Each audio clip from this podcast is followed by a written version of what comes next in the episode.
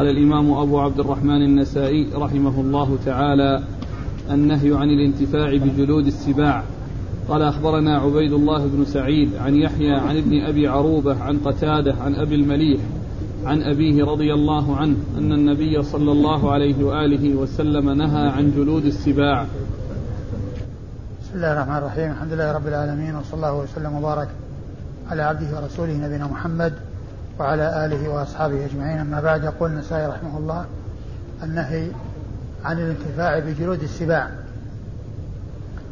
لما ذكر التراجم السابقة الميتة والانتفاع بجلودها الميتات والانتفاع بجلودها إذا دبغت وعقب ذلك بالنهي عن الانتفاع بجلود السباع. وهذا يؤيد القول القائل الذي ذكرناه فيما مضى وهو أن الميتة التي ينتفع التي ينتفع بجلدها إذا دبغ هي التي هي التي تكون آه، مأكولة اللحم والتي لها ذكاة شرعية يعني كالإبل والبقر والغنم فإن هذه هي التي ينتفع بجلودها إذا دبغت. وأما غير مأكول اللحم فإنها لا تنفع فيه الزكاة فلا ينفع فيه الدباغ. والذي جاء في هذه الترجمة أو الأحاديث تحت هذه الترجمة تؤيد هذا القول وتدل على هذا القول من جهة آه، النهي عن الانتفاع بجلود السباع لأنها ليست من مأكول اللحم. والزكاة لا تنفع فيها فلا ينفع فيها الدباغ. وقد عرفنا الخلاف في هذه المسألة لكن هذه لكن الأحاديث التي أوردها النسائي تحت هذه الترجمة تؤيد القول الذي يخص ذلك أي يخص آه، الميتات أو الانتفاع بجلود الميتات التي هي من قبيل مأكول اللحم وليست من قبيل ما ليس بمأكول اللحم كالسباع. أورد النسائي تحت هذه الترجمة حديث ميمونة. عمير الهذلي نعم. أسامة أسامة بن عمير. أسامة بن عمير. أسامة بن عمير والد أبي المليح أن النبي صلى الله عليه وسلم نهى عن الانتفاع بجلود السباع. نهى عن الانتفاع نهى. بجل... نهى. نهى عن جلود السباع. نهى عن جلود السباع أي الانتفاع بها. الانتفاع بها ويعني يدل على ذلك الأحاديث التي ستأتي. والمقصود هو الانتفاع بها. فلا تستعمل جلود السباع ولا ينتفع بها. وقيل إن العلة في تحريمها أو المنع من ذلك لكونها نجسة وأن الدباغ لا ينفع فيها لأن الحياة لأن الزكاة لا تنفع في آه، فيها فدباغها أيضا لا ينفع إذا فلا ينتفع بها. إذا فلا ينتفع بجلد السباع وقيل إن ذلك يعني يدل على التكبر والتعاظم وأن هذا شأن المترفين المتكبرين الذين يعني آه، يحصل منهم غالبا آه، الإقدام على مثل هذا. ويحتمل أن يكون المنع للجميع يعني لكونها نجسة ولا تنفع فيها الطهارة الدباغ ولكونها أيضا يعني آه كانت يعني آه من عمل المترفين وعمل المتكبرين. نعم.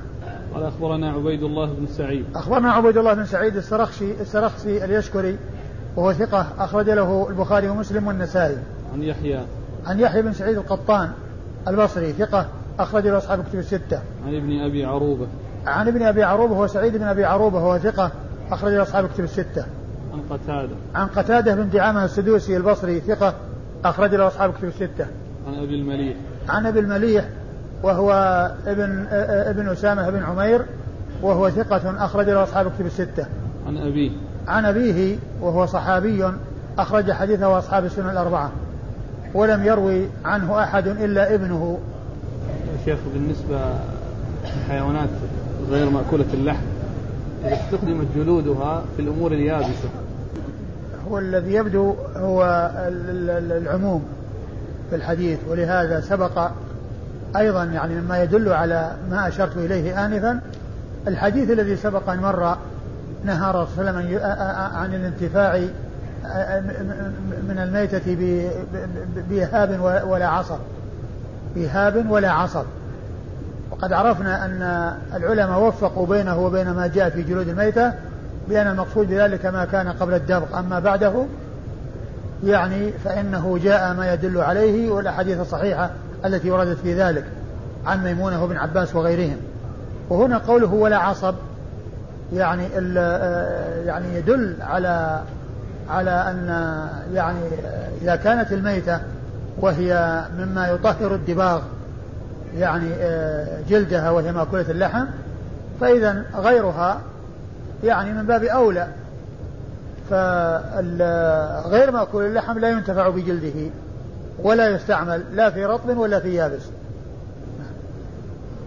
قال أخبرنا عمرو بن عمرو بن عثمان قال حدثنا بقية عن بحير عن خالد بن معدان عن المقدام بن معد كرب رضي الله عنه أنه قال نهى رسول الله صلى الله عليه وآله وسلم عن الحرير والذهب ومياثر ومياثر النمور. ثم ورد النسائي حديث المقداد بن معدي كرب رضي الله تعالى عنه قال نهى رسول الله صلى الله عليه وسلم عن الحرير عن الحرير والذهب. عن الحرير والذهب ومياثر النمور.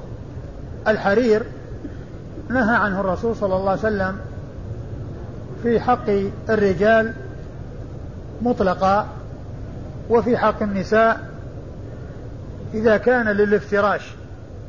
أما إذا كان لللبس فلهن اللبس. أما الافتراش فلا فلا يفترشن كالرجال. يعني لا يتخذ لأن لأنهن إذا وضعن ذلك يستعمله الرجال والنساء. فلا تستعمل الرجال تستعمل النساء الحرير إلا باللباس. اللباس الذي يخصهن كونهن يلبسن الحرير.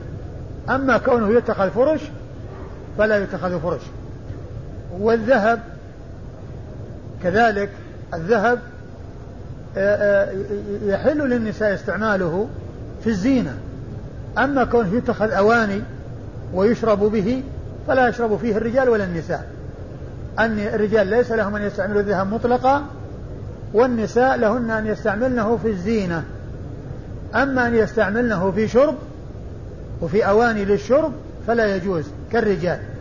لا فرق بين الرجال والنساء في الاستعمال. وكذلك الحرير كما عرفنا لا فرق بين الرجال والنساء في الافتراش. والنساء تلبس الحرير وتلبس الذهب لكن لا تفترش الحرير ولا ولا تأكل بآنية الذهب. ولا تأكل بآنية الذهب وإنما لهن أن يستعملن ذلك في اللباس والزينة. ومياثر النمور وهذا محل الشاهد. والمياثر يعني ما يتخذ على الرحل يعني على البعير يجلس عليه الراكب يعني افتراش يفترشه ويجلس عليه يعني وقاية يعني يكون على ظهر البعير يجلس عليه. وهذا يدل على أن السباع لا ينتفع بجلودها لا في افتراش ولا في لبس لا في افتراش. ولا في لبس لأن الحديث يدل على منع الافتراش. واللبس من باب أولى. واللبس من باب أولى. والذي مر وهو لفظ عام يشمل الافتراش واللبس. نهى رسول الله عن جلود السباع يعني أنها تستعمل مطلقا نعم. قال أخبرنا عمرو بن عثمان. عمرو بن عثمان الحمصي وهو صدوق. أخرج حديث أبو داود والنسائي ومن ماجه. عن بقية. عن بقية بن وليد الحمصي وهو صدوق.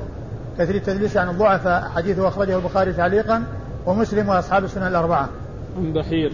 عن بحير بن سعد الحمصي أيضا وهو ثقة أخرج حديث البخاري في الأدب المفرد. نعم. وأصحاب السنة الأربعة. خلق أفعال العباد. ها؟ البخاري في الأدب المفرد وخلق أفعال العباد والسنة الأربعة. عن خالد بن معدان. عن خالد بن معدان وهو ثقة أخرج له أصحاب كتب الستة. عن المقدام بن معدي كرب. عن المقدام بن معدي كرب رضي الله عنه هو صحابي أخرج حديثه البخاري وأصحاب السنة الأربعة. قال أخبرنا عمرو بن عثمان قال حدثنا بقية عن بحير عن خالد قال وفد المقدام بن معد كرب رضي الله عنه على معاوية رضي الله عنه فقال له أنشدك بالله هل تعلم أن رسول الله صلى الله عليه وآله وسلم نهى عن لبوس جلود السباع والركوب عليها؟ قال نعم. ثم ورد النسائي حديث المقدام بن معد كرب رضي الله عنه وهو مثل الذي قبله إلا أن فيه ذكر اللبس لأنه جمع بين اللبس والركوب جمع بين اللبس والركوب.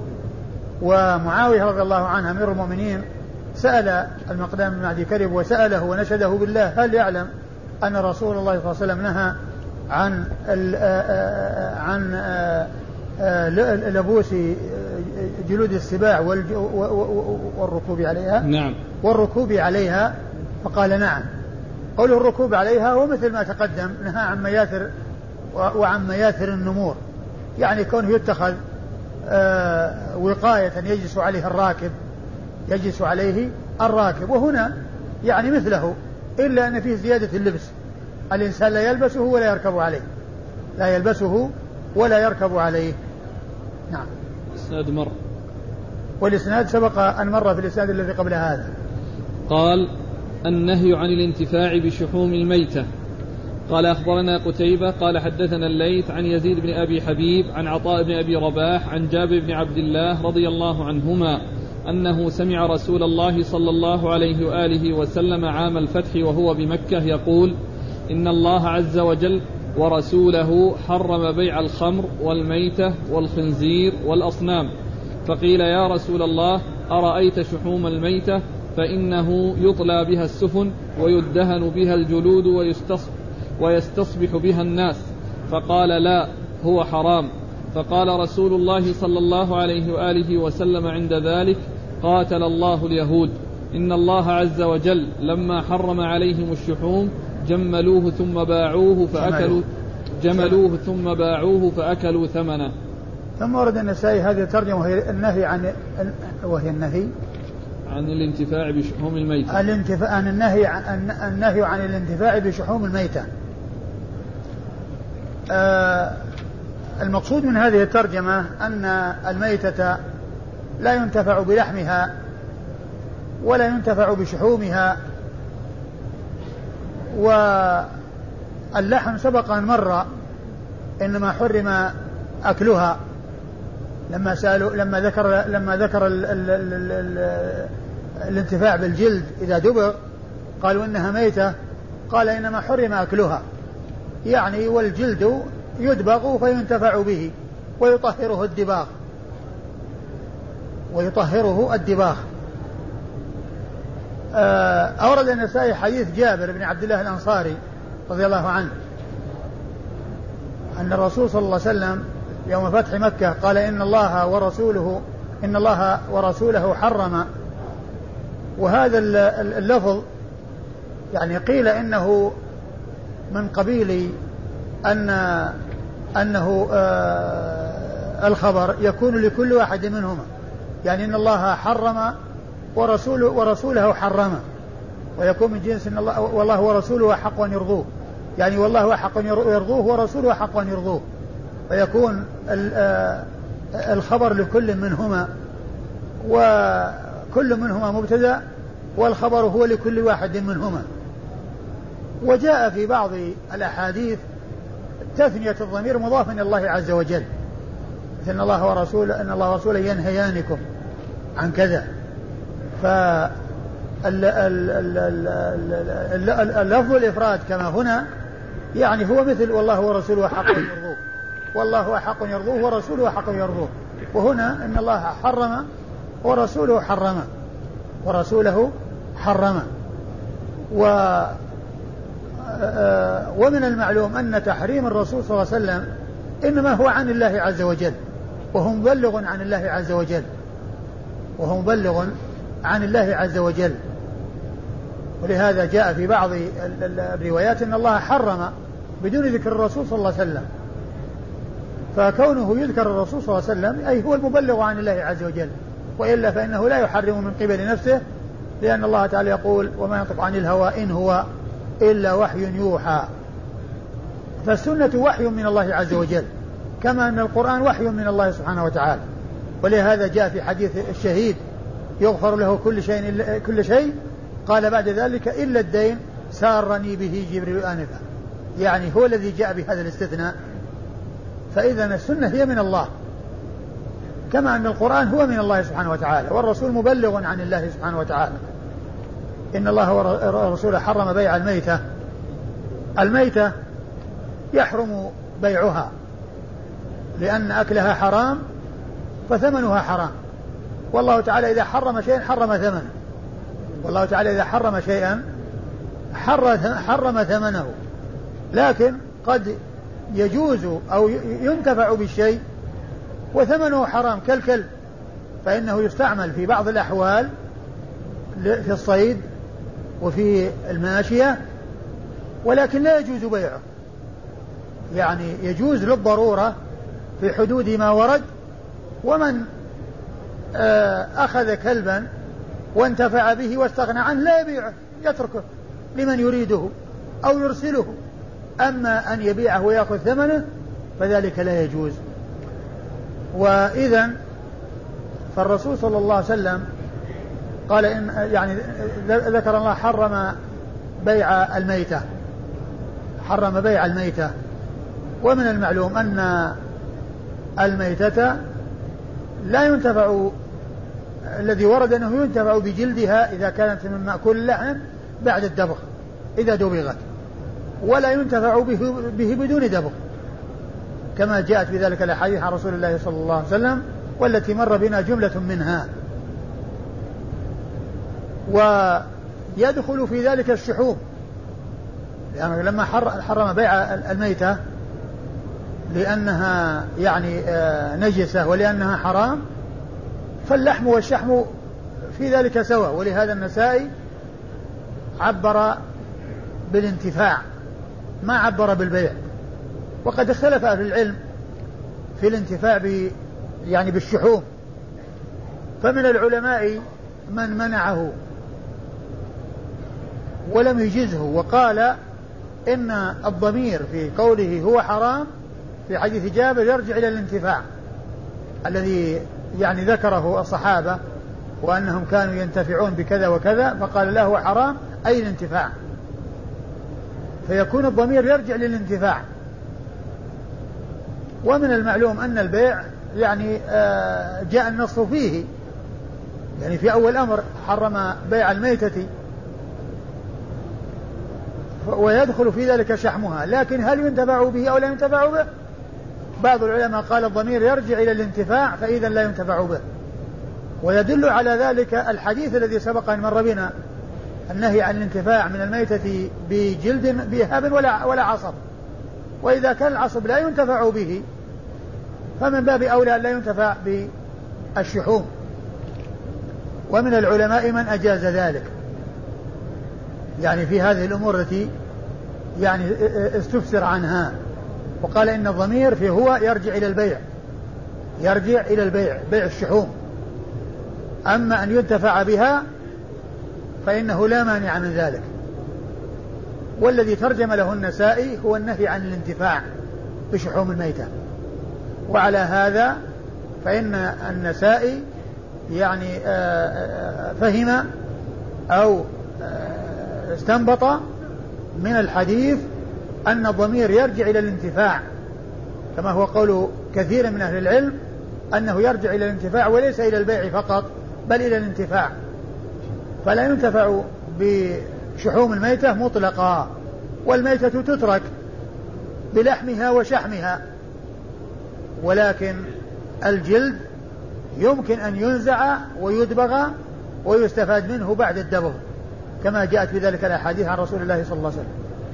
ويوفق بين حديث عبد الله بن عكيم الذي سبق أن مر لا تنتفع من الميتة بإهاب ولا عصب بأن والأحاديث التي جاءت في الانتفاع بالجلود إذا دبغت بأن يحمل ما جاء في حديث عبد الله بن عكيم على ما كان قبل الدبغ وما كان في حديث ميمونة وابن عباس على ما كان بعد الدبغ. وأما العصب فإنه لا ينتفع به وكذلك الشحوم مثله وكذلك الشحوم مثل العصب التي جاء النهي عنها ولا يعني معارض لها.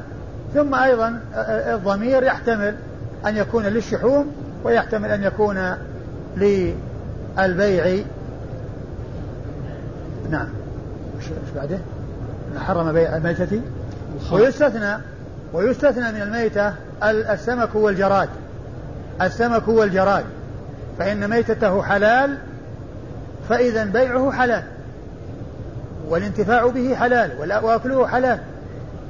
يعني لأنه ورد في بعض الأحاديث ما يدل على استثناء الميتة استثناء الجراد واستثناء الحوت من الميتة. فالجراد إذا كان ميتا يؤكل والحوت إذا كان ميتا يؤكل وهو مستثنى من هذا العموم. مستثنى من عموم تحريم بيع الميتة يستثنى من ذلك الجراد والحوت.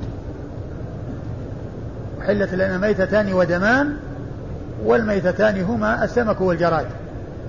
فهو مستثنى من عموم النهي. ويستثنى من ذلك أيضا ما قطع من البهيمة وهو وهي حية فإنه يكون أيضا حرام. ما أبين من حي فهو ميت. يعني إذا قطع فإنه يعتبر حرام ويعتبر بمثابة الميتة. فلا يجوز أكله لو قطعت إلية أو قطع رجل من حيوان يعني لم يذكى ولم يعني يذبح فإن ذلك أيضا حرام. إن الله حرم بيع الميتة والخمر حرم بيع الخمر. لأنها هي حرام فلا يجوز بيعها. والله تعالى إذا حرم شيئا حرم ثمنه. فبيعها حرام واستعمالها حرام و استعمالها حرام فبيعها حرام. فلا يجوز بيعها. وقيل إن ذلك لنجاستها وقيل لما فيها من الإسكار ولما يترتب عليها من المضرة في حق من آه، يشتريها. نعم. والخمر والخنزير والخنزير. وكذلك الخنزير لا يجوز بيعه لأنه حرام فلا يجوز بيعه. وإيش والأصنام. والأصنام أيضا لا يجوز بيعها وهي, وهي, وهي الحجارة المنحوتة سواء كانت حجارة أو غير حجارة إذا كانت أصنام. فإنه لا يجوز بيعها. وقيل إن وقيل في الفرق بين الوثن والصنم أن الوثن ما كان له جسم وأما الصنم فيعني ما يكون له صورة وما يكون مصورا وكل ذلك حرام. لا إن كان يعني على هيئة صورة مصور ومنحوت مصور ولا أن يكون شيء غير منحوت ولكنه على شكل غير مصور ما دام أنه يعني آه، يعبد من دون الله عز وجل ويتخذ آه، إلها فإن ذلك فإن بيعه لا يجوز. بل الواجب تكسيره وتحطيمه وإتلافه والقضاء عليه فلا يجوز بيعه لأنه يؤدي أو لأنه يتخذ يعني آه، يعني معبودا مع الله فالواجب تحطيم الأصنام وتكسيرها والقضاء عليها. واختلف لو كسرت وصارت رضاضا بحيث يعني لا لا لا تبقى على ما يعتقد فيها هل يجوز بيعها أو لا يجوز للانتفاع به في أمور أخرى فمنهم من أجازه ومنهم من منعه مطلقا. قطعا لهذه المادة التي هي كونها كانت صنما. كونها كانت صنما فمن العلماء من منع ذلك مطلقا. ومنهم من أجازه لأنها خرجت عن كونها باقية على صنميتها وعلى وثنيتها. وليس يعني ذلك للنجاسة لأنها حجارة والحجارة الأصل فيها الطهارة. ولكن التحريم جاء من أجل كونها اتخذت يعني آلهة واتخذت أوثانا تعبد مع الله عز وجل. إيش؟ ثم بعد ذلك؟ قيل يا رسول الله أرأيت شحوم قيل يا رسول الله أرأيت شحوم الموت؟ أخبرنا عن شحوم الميتة فإنه فإنه تطلى بها السفن وتدهن بها الجلود ويستصبح بها الناس يعني يوقدون بها ويعني يجعلونها إضاءة يعني آه، يضيئون ب يعني تحصل لهم إضاءة بها ويتخذونها إضاءة في السرج. فالرسول قال لا هو حرام. هو كما قلت اختلفوا هل هو يرجع للبيع؟ فيكون الانتفاع جائز. أو يرجع للانتفاع فيكون ذلك غير جائز والبيع أيضا غير جائز. لأن الشيء إذا منع من الانتفاع به يحرم بيعه. إذا منع من الانتفاع به يحرم بيعه. وقد عرفنا أن حديث عبد الله بن عكيم يعني يدل على عدم الانتفاع لأن العصب نص فيه على عمد عدم الانتفاع به فكذلك الشحوم يعني هو من هذا القبيل. وإنما يستثنى من ذلك الجلود فقط فيما إذا دبغت. وقبل الدبغ لا ينتفع بها أي جلود مأكول اللحم.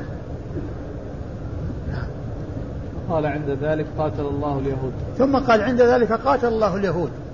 يعني لما حرم عليهم الشيء يعني تحايلوا بتحويله من كونه شحم إلى كونه ودك. يعني وخرج عن اسمه. ولم يبقى يعني آه، على على اسمه الأول بل صار له اسم آخر. فدل ذلك على أن الحيل لا يجوز الإقدام عليها لأن التوصل يعني بالحيل إلى ما هو أمر محرم ذلك لا يسوق ولأن أيضا الأسماء لا يعني تغيير الأسماء لا يغير المسميات وكون الشحم تحول من كونه شحم إلى كونه ودك هو حرام وهذا حرام وذلك كله لا يسوغ ولا يجوز. ف آه، دل الحديث على تحريم البيع وعلى تحريم الانتفاع. نعم. الخل؟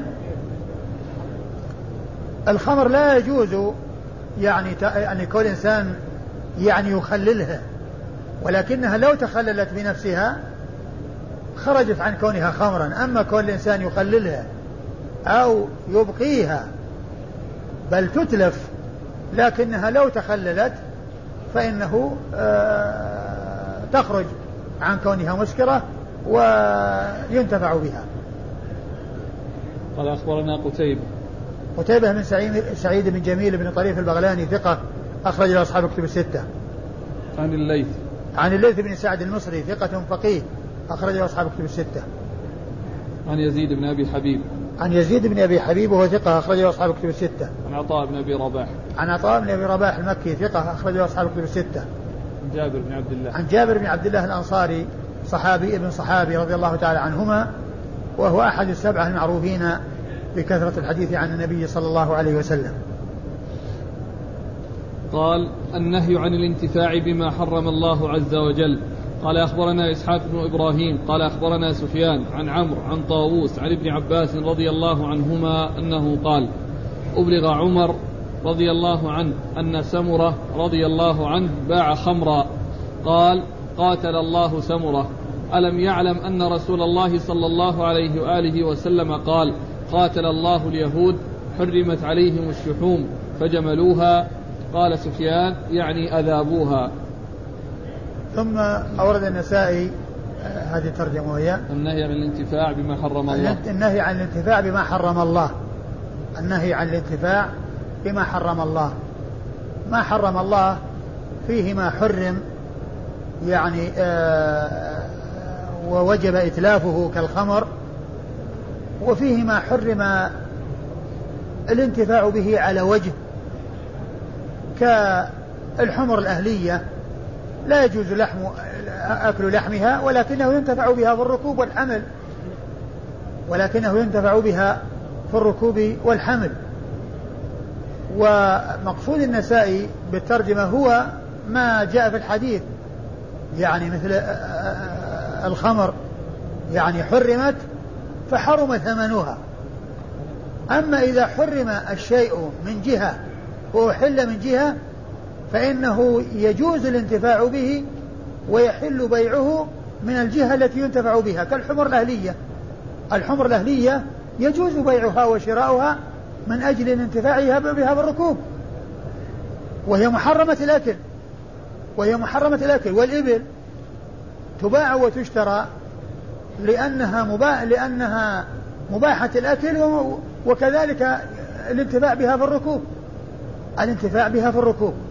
وأما الشيء الذي حرم ويعني منع الانتفاع به مطلقا كالخمر التي لا يجوز صنعها بل يعني لا يجوز بيع العنب ممن يتخذها خمرا وممن يستعمل يتخذها من أجل يستخرج منها الخمر. لا يجوز ذلك من أجل أن فيه وصول إلى الأمر المحرم. هذا هو الذي يعني يعنيه النسائي يعني بالمنع. الانتفاع بما حرم الله كالخمر. فلا ينتفع بثمنها وكذلك الشحوم التي هي من الميتة وقد حرمها الله عز وجل فلا ينتفع بها. أيوة. قال أخبرنا إسحاق بن إبراهيم. إسحاق بن إبراهيم مخلد بن راهوية الحنظلي المروزي ثقة فقيه وصف بأنه أمير المؤمنين في الحديث وحديث أخرج أصحاب الكتب الستة إلا ابن ماجه. عن سفيان. عن سفيان هو بن عيينة المكي ثقة أخرج أصحاب الكتب الستة. عن عمرو. عن عمرو بن دينار المكي ثقة أخرج أصحاب الكتب الستة. عن طاووس. عن طاووس بن كيسان وهو ثقة أخرج أصحاب الكتب الستة. عن ابن عباس. عن ابن عباس عبد الله بن عباس بن عبد ابن عم ابن عم النبي صلى الله عليه وسلم. أحد العباد له الأربعة من أصحابه الكرام وأحد السبعة المعروفين بكثرة الحديث عن النبي صلى الله عليه وسلم. قال رحمه الله تعالى باب الفأرة تقع في السمن. قال أخبرنا قتيبة قال حدثنا سفيان عن الزهري عن عبيد الله بن عبد الله عن ابن عباس رضي الله عنهما عن ميمونة رضي الله عنها أن فأرة وقعت في سمن فماتت فسئل النبي صلى الله عليه وآله وسلم فقال ألقوها وما حولها وكلوه. ثم ورد النسائي هذا الترجمة الفأرة تقع في السمن؟ يعني كيف يصنع بالسمن؟ هل يستفاد منه أو لا يستفاد؟ وهذا فيما إذا ماتت. أما لو لم تمت أو دخلت في السمن وخرجت فإن ذلك لا يؤثر وإنما الكلام فيما إذا ماتت. إذا ماتت فإن فإنها تلقى وما حولها فإنها تلقى وما حولها سواء كان جامدا أو مائعا. وهذا هو الذي يدل عليه الحديث الذي أورده النسائي في الأول هو حديث حديث ميمونة. أي نعم. حديث ميمونة رضي الله عنها. أن فأرة وقعت في سمن فماتت؟ نعم. فقال ألقوها وما حولها وكلوه. ألقوها وما حولها. وهذا يدلنا على أن على أن الميتة أو إذا وقعت أو يعني مأكول اللحم إذا وقع في شيء ومات فيه يعني مأكول اللحم وغير مأكول اللحم يعني الذي فيه دم. الذي فيه دم إذا وقع في شيء ومات فيه فإنه يعني يلقى وما حوله لأن لأن فيه نجاسة. فأما إذا كان غير مأكول أما إذا كان يعني ليس فيه دم كالجراد وكالذباب وما إلى ذلك مما لا دم فيه فإن هذا لا يؤثر في الشيء إذا مات فيه. لا يؤثر في الشيء إذا مات فيه. إذا الرسول صلى الله عليه وسلم لما وقعت الفأرة في السمن وسئل عنه الرسول صلى الله عليه وسلم قال ألقوها وما حولها. يعني وقعت وماتت. ألقوها وما حولها وكلوه. وهذا يشمل ما إذا كان جامدا أو أو مائعا. ما إذا كان جامدا أو مائعا. وبعض أهل العلم قال إنه يفرق بين الجامد والمائع فما كان جامدا تلقى وما حولها ويستعمل وما كان مائعا فإنه يرمى ولا يستعمل. فإنه يرمى ولا يستعمل. لكن الحديث الذي ورد يعني في آه، التفريق بين الجامد والمائع لا يعني يقاوم ولا يعني آه، لا يقابل الأحاديث التي وردت في إطلاق ذلك. ثم أيضا قد تقع الفأرة في سمن كثير ويعني يتأثر ما حوله ف, ف, ف آه، آه، ما حولها وذلك السمن الكثير لا يرمى بسبب أنه وقع في طرفه فأرة وماتت فيه لأن الأحاديث جاءت مطلقة والذين رووها على سبيل الإطلاق هم أوثق. ممن رووها على سبيل التفصيل والتقييد ف آه، آه، تلقى وما حولها سواء كان جامدا أو مائعا ولا يفرق بين يعني جامد ومائع وبعض أهل العلم يفرق بين الجامد والمائع فخص رميها وما حولها بالجامد وأن المائع كله يراق ويتلف ولا يستفاد منه بشيء. كل كل سائل عسل ولا ولا سمن ولا زيت ولا يعني أي شيء قال أخبرنا قتيبة عن سفيان عن الزهري قتيبة عن سفيان مر ذكرهما الزهري محمد بن مسلم بن عبيد الله بن شهاب ثقة فقيه أخرجه أصحاب كتب الستة. عن عبيد الله بن عبد الله. عن عبيد الله بن عبد الله بن عتبة بن مسعود وهو ثقة أحد فقهاء المدينة السبعة في عصر التابعين أخرج له أصحاب كتب الستة. عن عن ابن عباس. عن ابن عباس. عن ميمونة. عن ابن عباس وقد مر ذكره عن ميمونة أم المؤمنين بنت الحارث الهلالية رضي الله تعالى عنها وأرضاها وحديثها أخرجه أصحاب كتب الستة. قال أخبرنا يعقوب بن إبراهيم الدورقي ومحمد بن يحيى بن عبد الله النيسابوري عن, عب... عن عبد الرحمن عن مالك عن الزهري عن عبيد الله بن عبد الله عن ابن عباس عن ميمونة رضي الله عنهم أن النبي صلى الله عليه وآله وسلم سئل عن فأرة وقعت في سمن جامد فقال خذوها وما حولها فألقوه. ثم ورد النسائي حديث ميمونة رضي الله عنها من طريق أخرى وفيه التقييد بالجامد التقييد بالجامد وليس فيه التفصيل بين الجامد وغير الجامد ولكن فيه أنه وقع أنها وقعت في جامد. فالرسول صلى الله عليه وسلم قال ألقوها وما حولها. وبعض أهل العلم قال إن هذه الزيادة شاذة لأنها يعني آه، لأن الذين رووها بدون التقييد بالجامد يعني أكثر وأوثق من الذين رووها أو الذين أتوا بهذا القيد. ويحتمل أيضا لو لم يعني يقال بالشذوذ أن أنه لا تعرض للتفصيل للجامد وغيره. فيعني آه، الجواب جاء على على سؤال فلا يمنع أن يكون غيره مثله. وقد جاء في بعض الأحاديث يعني المطلقة ما يدل على العموم والشمول فيما يتعلق بالجامد وغير الجامد. قال أخبرنا يعقوب بن إبراهيم الدورقي يعقوب بن إبراهيم الدورقي ثقة أخرج له أصحاب كتب الستة بل هو شيخ لأصحاب كتب الستة ومحمد بن يحيى بن عبد الله النيسابوري ومحمد بن يحيى بن عبد الله النيسابوري الذهلي وهو ثقة أخرج له البخاري وأصحاب السنة الأربعة. عن عبد الرحمن. عن عبد الرحمن بن مهدي ثقة أخرج له أصحاب كتب الستة. عن مالك. عن مالك بن أنس إمام دار الهجرة. نعم. عن الزهري عن عبيد الله بن عبد الله عن ابن عباس عن ميمونة. وقد مر ذكر الأربعة. قال أخبرنا خشيش بن أصرم قال حدثنا عبد الرزاق قال أخبرني عبد الرحمن بن ابن بو ذوية أبو ابن بوذا بو بوذية. بو كيف؟ بو ذوية ها؟ بوذوية بوذوية نعم. بوذوية أو بؤذوية أو بوذوية أن معمرا ذكره عن الزهري عن عبيد الله بن عبد الله عن ابن عباس عن ميمون عن ميمونة رضي الله عنها عن النبي صلى الله عليه وآله وسلم أنه سئل عن الفأرة تقع في السمن فقال إن كان جامدا فألقوها وما حولها وإن كان مائعا فلا تقربوه. ثم ورد النسائي حديث ميمونة؟ نعم. ثم ورد النسائي حديث ميمونة سئل الرسول صلى الله عليه وسلم عن الفأرة تقع في السمن فقال إن كان جامدا فألقوها وما حولها وكلوه إن كان مائعا. فلا تقربوه. فلا تقربوه. يعني معناه اتركوه وأريقوه وتخلصوا منه.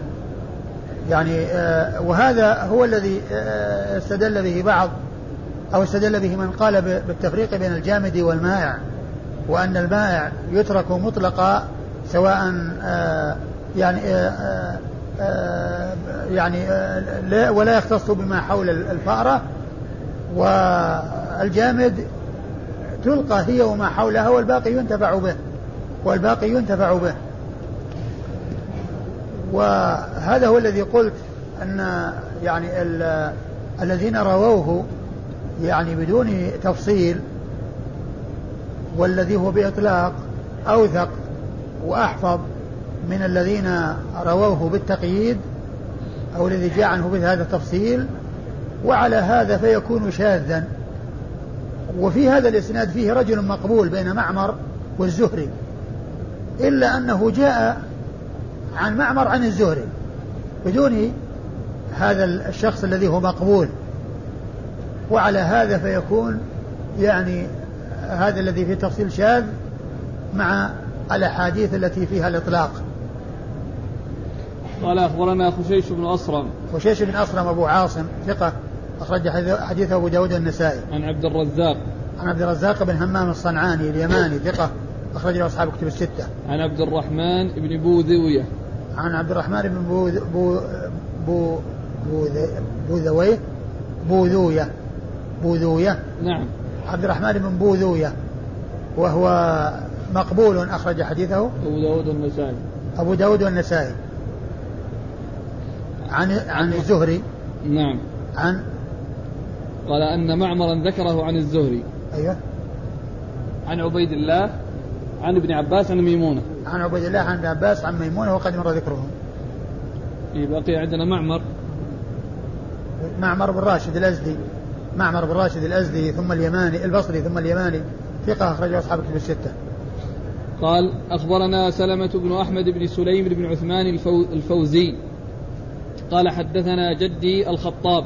قال حدثنا محمد بن حمير قال حدثنا ثابت بن عجلان قال سمعت سعيد بن جبير يقول سمعت ابن عباس رضي الله عنهما يقول إن رسول الله صلى الله عليه وآله وسلم مر بعنز ميتة فقال ما كان على أهل هذه الشاة لو انتفعوا بإهابها. ثم ورد النسائي حديث ابن عباس وهو لا علاقة له بالترجمة التي هي الفأرة تقع في السمن.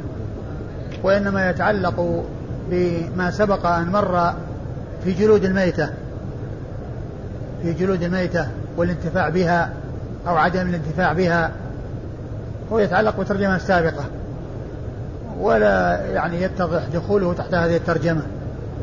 نعم الإسناد قال أخبرنا سلامة بن أحمد بن سليم بن عثمان الفوزي وهو صدوق أخرج حديثه النسائي وحده. عن جده الخطاب.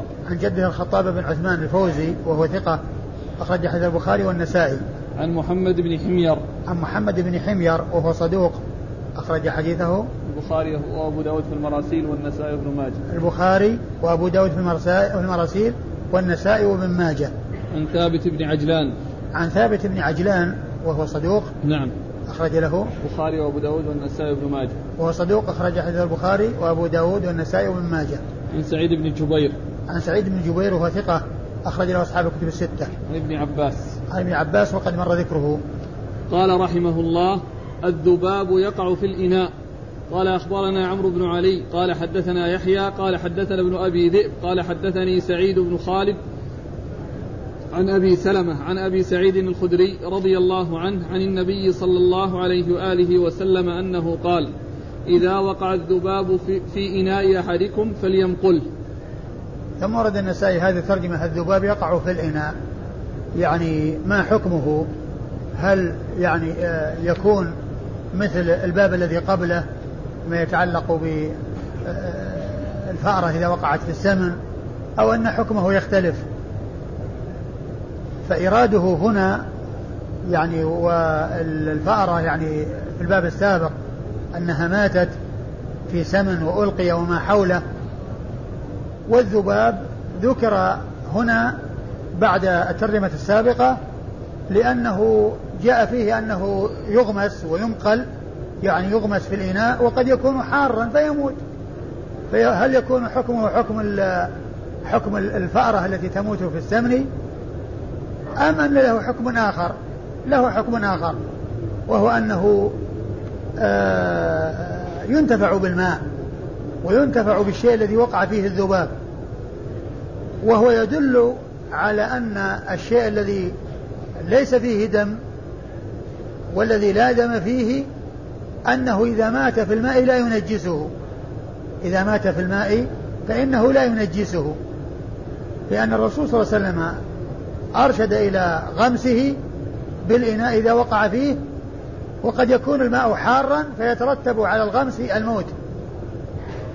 ولو كان يؤثر فيه لما أرشد النبي صلى الله عليه وسلم إلى استعماله والانتفاع بالماء الذي مات فيه الذباب.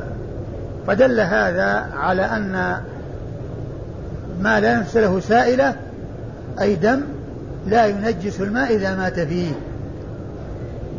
وهذه قاعدة ذكرها العلماء قالوا ما لا نفس له سائلة لا ينجس الماء إذا مات فيه. يعني الذي ما فيه دم وأخذوه من حديث الذباب. وأخذوا هذا من حديث الذباب. لأن غمس بالماء وهو حار يترتب عليه موته والرسول أمر بالانتفاع لأنه لا دم فيه. لأنه لا دم فيه. وقد جاء في بعض الأحاديث العلة والحكمة من كونه يغمس لأن في أحد جناحيه داء وفي الآخر شفاء. وهو إذا وقع في الإناء فإنه يرفع الجناح الذي فيه الشفاء ويغمس أو ينزل الجناح الذي فيه الداء. فالرسول صلى الله عليه وسلم أمر بغمسه حتى يعني يأتي ما في الجناح الثاني ليقاوم ما في الجناح الأول الذي وضعه الذباب الذي وضعه الذباب. ولكن المقصود من إراده هنا هو قضية الموت لأنها ذكر كون ذكر بعد الفارة تموت في الإناء الذباب يموت في الماء ليس الحكم مثل الأول بل يختلف هذا يمكن استعماله وذاك يلقى وما حوله ويستعمل الباقي يلقى وما حوله ويستعمل الباقي. وهذه القاعدة التي ذكرها العلماء ما لا نفس له سائلة لا ينجس الماء, الماء إذا مات فيه. قيل إن أول من عبر بهذه العبارة فقال ما لا نفس له سائلة إبراهيم النخعي. ذكر ذلك ابن القيم في زاد المعاد عند ذكر غمس الذباب وقال إنه يترتب عليه موته والرسول أما يعني يعني سوغ هو جاز الانتفاع به. إذا لا ينجس الماء إذا مات فيه. إذا ما لا نفس له سائلة. لا ينجس الماء إذا مات فيه. ما لا نفس له سائلة. لا ينجس الماء إذا مات فيه. نعم. قال أخبرنا عمرو بن علي. آه، أخبرنا عمرو بن علي الفلاس. ثقة أخرج له أصحاب كتب الستة بل وشيخ لأصحاب كتب الستة. عن يحيى عن ابن أبي ذئب. عن يحيى وهو القطان مر ذكره. عن ابن أبي ذئب وهو محمد بن عبد الرحمن بن المغيرة. ابن أبي ذئب ثقة أخرج له أصحاب كتب الستة. عن سعيد بن خالد. عن سعيد بن خالد بن عبد الرحمن بن قاسط وهو نعم. صدوق القارضي. القارضي نعم. صدوق أخرج له أبو داود والنسائي بن ماجه. صدوق أخرج حديث البخاري. أبو داود. أبو, أبو داود والنسائي بن ماجه. أخرج حديث أبو داود والنسائي وابن ماجه. عن أبي سلمة. عن أبي سلمة بن عبد الرحمن بن عوف المدني وهو ثقة فقيه من فقهاء المدينة السبعة. على أحد الأقوال الثلاثة في السابع منهم وحديثه أخرجه أصحاب كتب الستة. عن أبي سعيد الخدري. عن أبي سعيد الخدري وهو سعد بن مالك بن سنان صاحب رسول الله صلى الله عليه وسلم وهو مشهور بكنيته ونسبته واسمه سعد بن مالك بن سنان وهو أحد السبعة المعروفين بكثرة الحديث عن النبي صلى الله عليه وسلم. وهم أبو هريرة وابن عمر وابن عباس وأبو سعيد وجابر وأنس وأم المؤمنين عائشة رضي الله تعالى عنهم وعن الصحابة أجمعين. والله تعالى أعلم وصلى الله وسلم وبارك على عبده ورسوله نبينا محمد وعلى آله وأصحابه أجمعين.